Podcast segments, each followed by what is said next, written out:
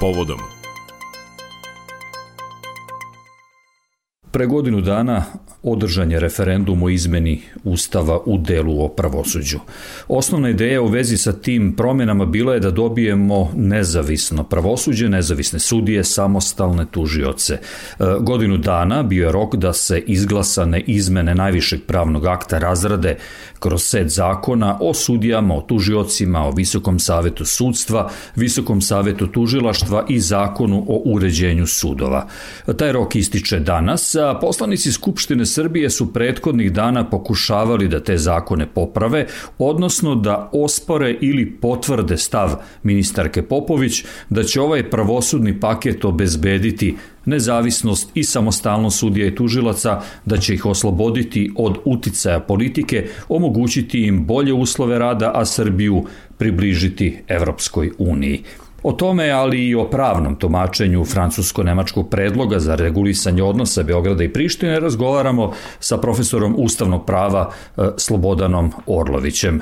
Da krenemo prvo od ovih e, zakona. Koja zakonska rešenja e, pozdravljate? Šta je to što će nedvosmisleno doprineti nezavisnijem i bolje organizovanom pravosuđu? Pa vidite, ovaj, teško je pravosuđe menjati od ozgo O čemu se radi? Radi se o tome da čini mi se vlast pokušava na formalan način da poboljša status, status pravosuđa u tom smislu da dobije e, tužilaštvo više samostalnosti, a to je čak dignuto na rang nezavisnosti, a da postojeća formalno proklamovano strane Ustava nezavisnost sudstva još bude više obezbeđenja. Međutim, ova rešenja koja sada se sprovode kroz e, set pravosudnih zakona podležu određenoj kritici. Ustavni amandmani su takvi da pokušavaju ono što je izvorni tekst Ustava e, poprilično e, loše ili rekao bih neuspešno pokušao da uredi, sada to ispravljaju, međutim, e, vidjet ćemo koliko će ove promene koje su formalnog karaktera uspeti da u praksi podignu podignu e, pravosuđe na rang nezavisnosti. O čemu se radi? Glavna karakteristika ili glavna pohvala svih e, promena, ustavnih promena, time i zakonskih, jeste da je politički organ Narodna skupština izopštena iz izbora, postupka izbora sudija. Međutim, to uopšte ne znači da je jedna pozitivna stvar, jer ako vi dopustite da sudstvo na koga, što kažu još iz Obrenovićke Srbije, toliko je povika običnih ljudi e, na nepravdu, ako vi to izopštite i pustite u jedan kružok ili jednu koteriju e, sudske vlasti koja će odlučivati samo o sebi, ko će biti sudija, ko neće biti sudija, ko će napredovati bez kontrole narodne ili narodne suverenosti ili parlamenta, i onda dolazite u jedan problem da kažete da najmoćnija vlast u državi, a To je vlast koja odlučuje ko je u pravu, ko nije u pravu, ili čiji je stan, a čiji nije stan, odlučuje tako što kaže bez ikakve odgovornosti ili bez ikakvog snošenja posledica, to je pravo. U tom smislu ja sam vrlo skeptičan na našem, kažem, pravnom i političkom nivou u Srbiji, da li je moguće ili da li je možda i oportuno pustiti sudstvu da samo o sebi odlučuje da bude takva jedna vlast po ustavu sasvim odvojena od ostalih, bez ikakve kontrole, a koja odlučuje o našim malim životima, o svakodnevnom, o svakodnevnom primjeru.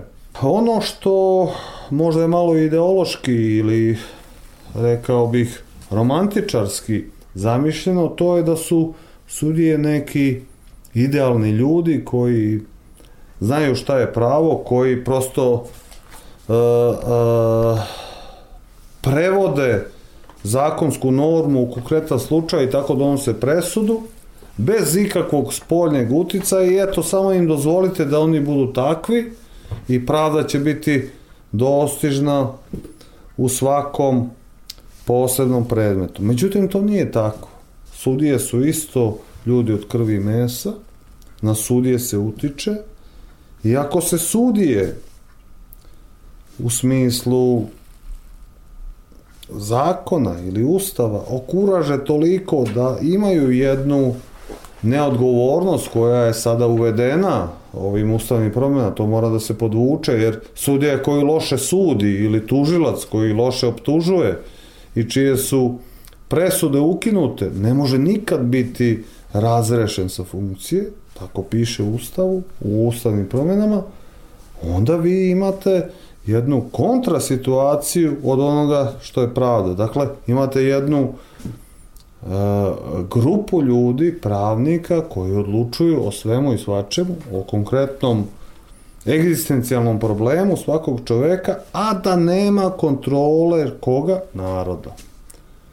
Zato je e, vrlo problematično rešenje, po meni, da se Narodna skupština kao kakvo takvo predstavničko telo izopšti iz postupka izbora sudija. Ja moram ovde da vas pitam, a da li vi mislite da ovakva skupština kakvu trenutno imamo zaista može biti uh, reprezent onoga što narod uh, misli? Naravno tu mislim i na parlamentarizam, demokratičnost i tako dalje. Pa prvo, ta skupština koja je donela ustavne odmane, ona je bila maltene jednostranačka, dakle, upitan je, upitan je njen legitimitet. Međutim, ovaj, skupština kakva god daje, ona je, ona je nacija u malom, takav je narod. Ne možete vi biti engleski parlament u srpskom biću ili srpski parlament sa Englezima. Dakle, kako je govorio Pašić, kakvi ste vi ovaj, Englezi, takav sam ja Gladstone, ali prosto mora postojati jedan mehanizam u kom će, u kom će narodna suverenost, dogod sudija taj, makar zamišljeni kao Platonov, izolovani delilac pravde, kakav će taj sudija dok to ne postigne biti pod kontrolom naroda. Kakav je narod, tako mora biti sudstvo. Najviše polemika je bilo oko toga da li će ovako ustrojen Visoki savet sudstva i, ver, i Visoki savet užilaštva biti oslobođeni uh, političkih uh, uticaja. Vidimo da vi mislite da bi trebalo malo, što kaže, taj točak vratiti u drugom pravcu. Uh, u tom kontekstu se najviše pominje izbor takozvanih uh, uglednih pravnika. Istaknuti. Istaknuti pravnika. Ako se Skupština ne izjasni dvotrećinskom većinom, naime to je procedura, E, te ljude bira petočlano ad hoc telo koje sačinjavaju predsednik Skupštine, predsednik Vrhovnog suda, Vrhovni javni tužilac, zaštitnik građana i predsednik Ustavnog e, suda. Kakav je vaš stav o tom rešenju? Da li ovo e, zaista garantuje tu proklamovanu nezavisnost izbora sudija i tužilaca? Pa vidite, da biste postigli dvotrećinsku većinu u, u nekim realno demokratskim parlamentima, vi morate imati jedan kompromis ili dogovor između vlasti i opozicije. To kod nas, to klatno ide iz jedne krajnosti u drugu. Trenutno, čini mi se ako sad ove neke međustranačke međustranačke borbe doprinesu tome, nema ni blizu dvotrećinske većine, ali pre dve godine dvotrećinska većina ne da je bila takva, nego četiri petinska. U tom smislu, vrlo je realno u budućnosti predvideti da dvotrećinske većine u Srbiji neće biti i da će taj zapravo rezervni mehanizam izbora istaknutih pravnika biti osnovni. A da li će on i kako će funkcionisati kod izba, istaknuti pravnika, to ćemo tek da vidimo. Međutim, kada istaknuti pravnici budu jednog dana postali članovi visokog tužilačkog saveta i visokog sudskog saveta, oni će imati pravo veta. A znači, po zakonskim rešenjima koja su predviđena sada, oni će sa četiri glasa onemogućiti donošenje bilo kakve odluke u izboru sudija ili tužilaca, što će opet pojačati jedan e, politički pritisak na rad tih tela. Dakle, istaknuti pravnici, iako manjina četvora u odnosu na 11, imaju taj glas ili pravo veta, gde oni kao formalno apolitični ili nepolitički članovi zapravo bi mogli od te skupštinske ili vladajuće većine da budu jedna produžena ruka koja će opet na neki način testirati podobne ili manje podobne sudije i tužioce. Predstavnici strukovnih udruženja tužilaca i sudija koji su i sami bili deo radnih grupa za izradu ovih zakona načelno su zadovoljni najpre ustavnim, a potom i zakonskim izmenama uz ogradu da zakoni mogu lakše da se menjaju ako se pokaže e, da nešto ne funkcioniše u praksi. Pritom, citiraću e, Draganu Boljevac iz udruženja sudija, ovo je najbolje što se moglo dobiti u datim okolnostima. Imate li razumevanja za stav da je ovo ipak bolje od svega što smo do sada imali ili mislite da je možda trebalo insistirati na boljim rešenjima? Pa vidite, ja sam tu subjektivan, ja sam bio protiv uh, ustavnih promena iz uh, mnogo, zbog mnogo razloga, ali uh, sad su te ustavne promene prošle i radi se o zakonskim rešenjima. Mislim da je čitava priča oko promene položaja sudstva i tužilaštva zapravo jedan kompromis. U kompromisu teško može biti zdravih e, rezona, odnosno to je uvek e, jedna priča gde nismo sigurni koliko ima zdrave strane, a koliko one koja nije zdrava, odnosno trule. Čini mi se da je društvo sudija, kao i udruženje tužilaštva, tužilaca, pristalo na određena rešenja, gledajući svoje partikularne interese. Dakle, za udruženje sudija bitno je bilo da se u čitav proces e, izbora sudija ne uključi pravosudna akademija. Na primjer, ona je izbačena i nije tu, kao što znamo, ili za udruženje tužilaca čitava priča je bila da se popnemo na rang sudstva koliko je god to moguće.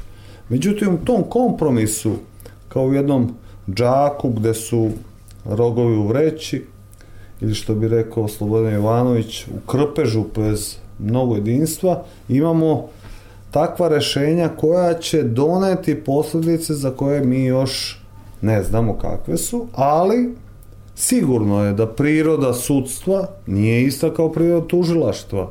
Sudstvo je nešto što mora da sudi na osnovu objektivno datih dokaza između dve strane – Tužilaštvo nema veze sa objektivnošću. Tužilaštvo je subjektivno. Ona je jedna strana u postupku i ona zastupa optužnicu. Dakle, po prirodi stvari, sudstvo i tužilaštvo ne mogu biti na istom rangu u ustavu ni u zakonu, a ovo se upravo sa tim kompromisom pokušava. Pa dajmo ljudi, razmislimo malo tužilaštvo je na neki način i produžena ruka vlade u borbi protiv kriminaliteta, a sudstvo je izolovano od svih ostalih političkih vlasti i mora da kaže šta je u konkretnom slučaju pravo, a šta nije.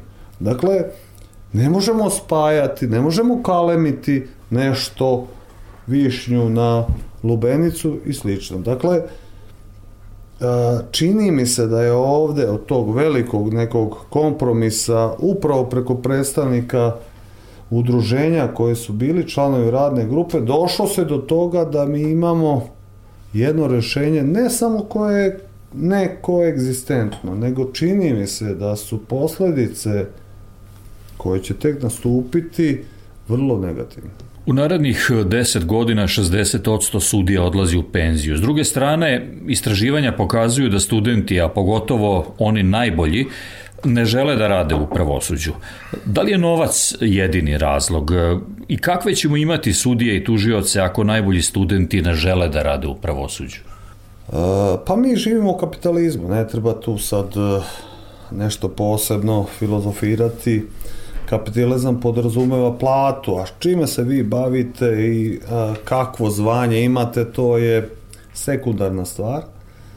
A, činjenica je da je a, pravosudna funkcija i tužilačka i sudijska kod nas podcenjena, pa i ako uporedimo okruženja, kamoli zapad, kome težimo, toliko da onaj koji i ole misli da zna nešto o pravu ili ima određenu ambiciju, on ne želi da bude jedan, iako je najviši sudski najviši državni funkcioner ne želi da bude po plati jedan obični činovnik ili birokrata bez perspektive.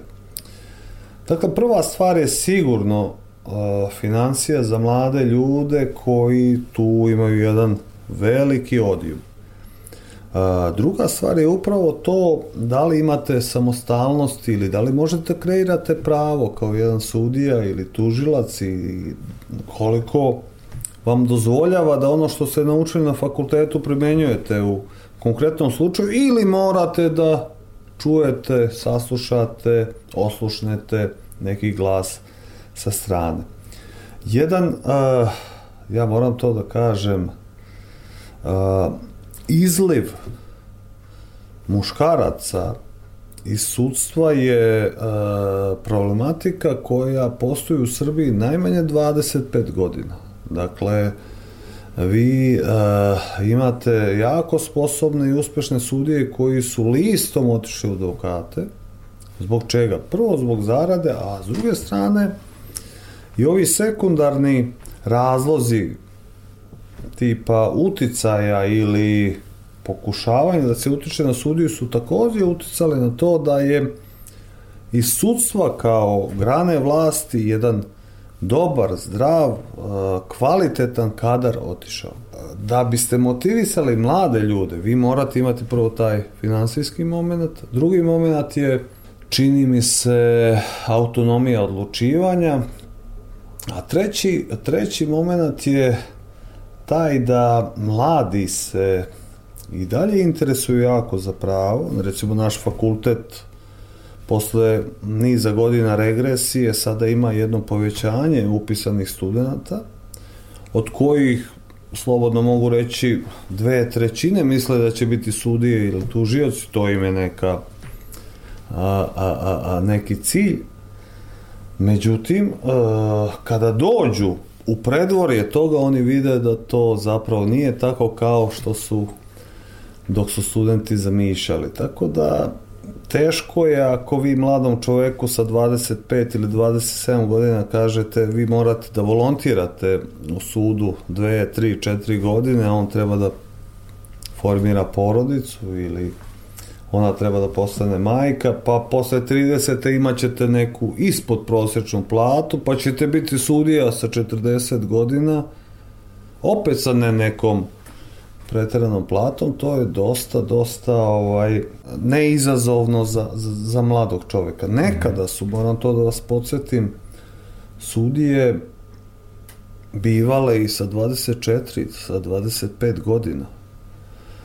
Drugačiji je sistem bio. Utisak je da su imali daleko veći ugled u društvu. I ugled, mada su i birali lokalne vlasti, da. na primer. Ali on je kao formiran čovek izašao sa fakulteta već postao neko ko odlučuje o nečim pravima.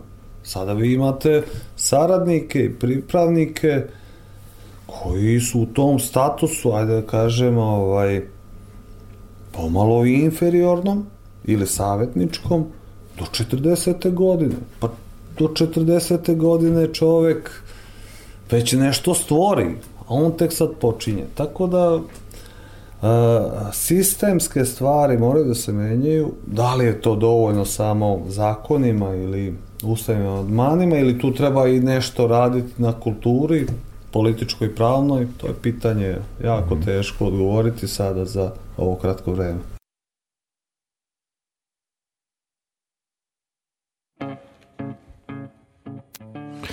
Slušate povodom Radio Novog Sada. Naš gost je profesor ustavnog prava Slobodan Orlović. Poslušajte i drugi deo našeg razgovora. Dominantna politička tema prethodnih dana, a sva je prilika da će tako biti i u budućnosti, je taj francusko-nemački predlog za Kosovo i Metohiju.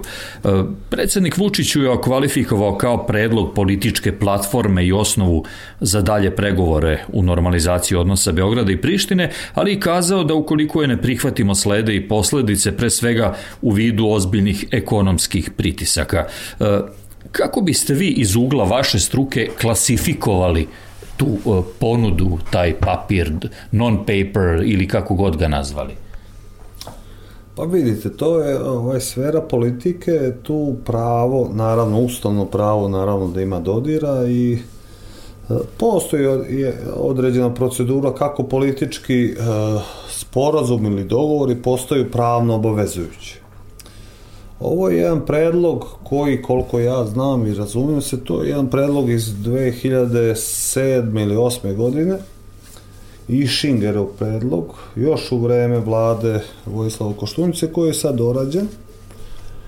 Međutim, sam po sebi on je naravno protivan Ustavu Republike Srbije. Međutim, o, nije to sporno da su i prethodno potpisani ugovori od Briselskog 2003. na ovamo bili protivni ustavnu Ustavu Republike Srbije, naravno onaj ko štiti Ustav, Ustavni sud je čuta o tome.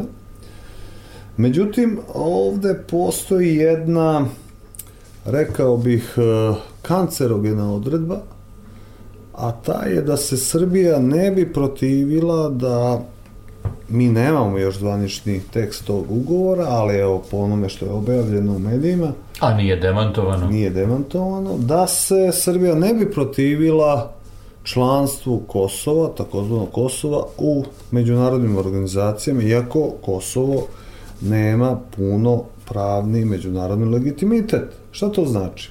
To znači da zapadne sile ili zapadne zemlje, civilizacija koja je priznala Kosovo, ipak je svesna činjenice da od dekolonizacije na ovamo nijedna samostalna država, ni Istočni Timor, ni Južni Sudan, ni Crna Gora na kraju krajeva, nije postala država, a da se matična država sa tim nije saglasila. Znači, to je princip praktičnog međunarodnog javnog prava, koji inače vrlo problematično kao pravo, Pa tako se traži od Srbije da ona kao matična država ipak prizna Kosovo i Metohiju. Do tada Kosovo ne može da postane međunarodno pravni subjekt. Čitav taj francusko-nemački ili nemačko-francuski plan se zasniva na tome da zapravo su postojale dve Nemačke. Ali vidite, ovaj, Nemci koliko god bili razdvojeni nekada u 19. veku na 60 država, vremenom su postali Nemci, bez obzira ko je protestant, a ko je katolik, a ovde se o tome ne radi. Ovde postoje dve etničke grupe. Jedna je albanska, druga je srpska, ili srpski narod, ako ćemo biti ustavno pravno korektni, gde vi ne možete da napravite sporazum među nama. Dakle, tu postoje praktično i istorijski i fundamentalni, kulturni, različiti interesi. Dakle, mi možemo da sarađujemo sa Kosovom, ali samo unutar našeg međunarodno pravnog suvereniteta i s druge strane nikad se Kosovo neće zadovoljiti nekim parcijalnim rešenjima, jer zapravo ono od, od 80. ili da kažemo od, od Kačaničkog ustava, oni uopšte nisu svoju platformu promenili, oni su i dan danas na tome Kosovo je nezavisna republika. Mi smo oni koji menjaju svoj pristup, dokle to ide, ide do ovoga što nudi francusko-nemački sporazum, a to je e, paralelno članstvo u jednim nacijama i paralelno članstvo u Evropskoj uniji koje niko ne garantuje, naprotiv. Dakle, vi nemate dilemu da ovaj sporazum zapravo e, otvara vrata Kosovu za Ujedinjene nacije? Sigurno, sigurno je, ali ovaj, ako, ako je tekst koji je obreven e, u, u medijima istini, to je tačno, ali s druge strane e, bez priznanja države matice, bez obzira na to šta se potpiše, znači izričitog priznanja, a, Kosovo neće biti ravnopravan međunarodni subjekt, već će biti, kako da kažemo, jedan a, protektorat sa manje ili više samostalnosti. I konačno, e, kakva bi, ukoliko dođe do dogovora, videli smo da je praktično Albin Kurti prihvatio taj predlog... Da, da znači kakva bi morala biti procedura oko usvajanja? Dakle, kolik, kakva je pravna obaveznost njegova nakon što do toga dođe? Pa, procedura usvajanja je jasna. Dakle, mi sada u Skupštini pre neki dan nismo imali razgovor o sporazumu, već smo imali razgovor o izveštaju izveštaju o pregovorima, šta se pregovaralo, kada se pregovaralo, kako se pre... i taj izveštaj čak nije objavljen u službenom glasniku.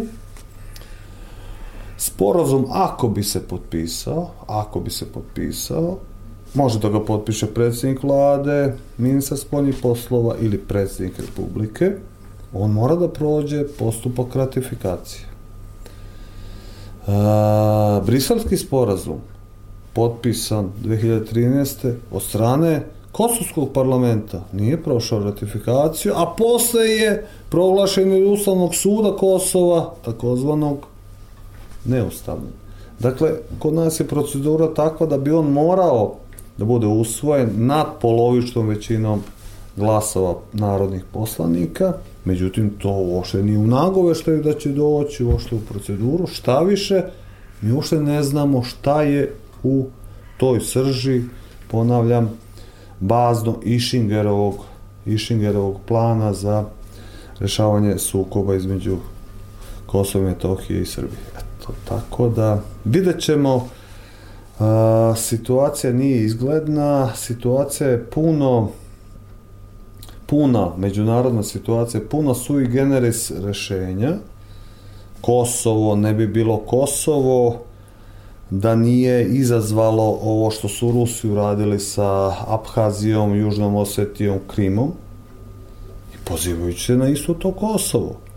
I sad, uh, ono što su mislili da je presedan i što su njihovi profesori, američki pogotovo, objašnjavali kao ugrožavanje vitalnih prava manjine koja onda ima pravo na samoopredeljenje, bez obzira na teritorijalni su, suverenitet, integritet koji je u ovaj, načelu Ujedinjenih nacija, sada je odbilo se kao bumerang. Pa vi imate stotine naroda koji mogu na to da se pozovu u matičnim državama i kažu, vidite, oni nam ugrožavaju prava, mi tražimo pravo na samoopredeljenje, odnosno na nezavisnost. Tako da je Pandora otvorilo svoju kutiju, gde će se to završiti i kako, najbolje bi bilo da ne bude na našim leđima, ali vidjet ćemo. Za povodom Radio Novog Sada govorio je profesor ustavnog prava Slobodan Orlović. Hvala na razgovoru. Hvala vama, hvala vašim slušalcima.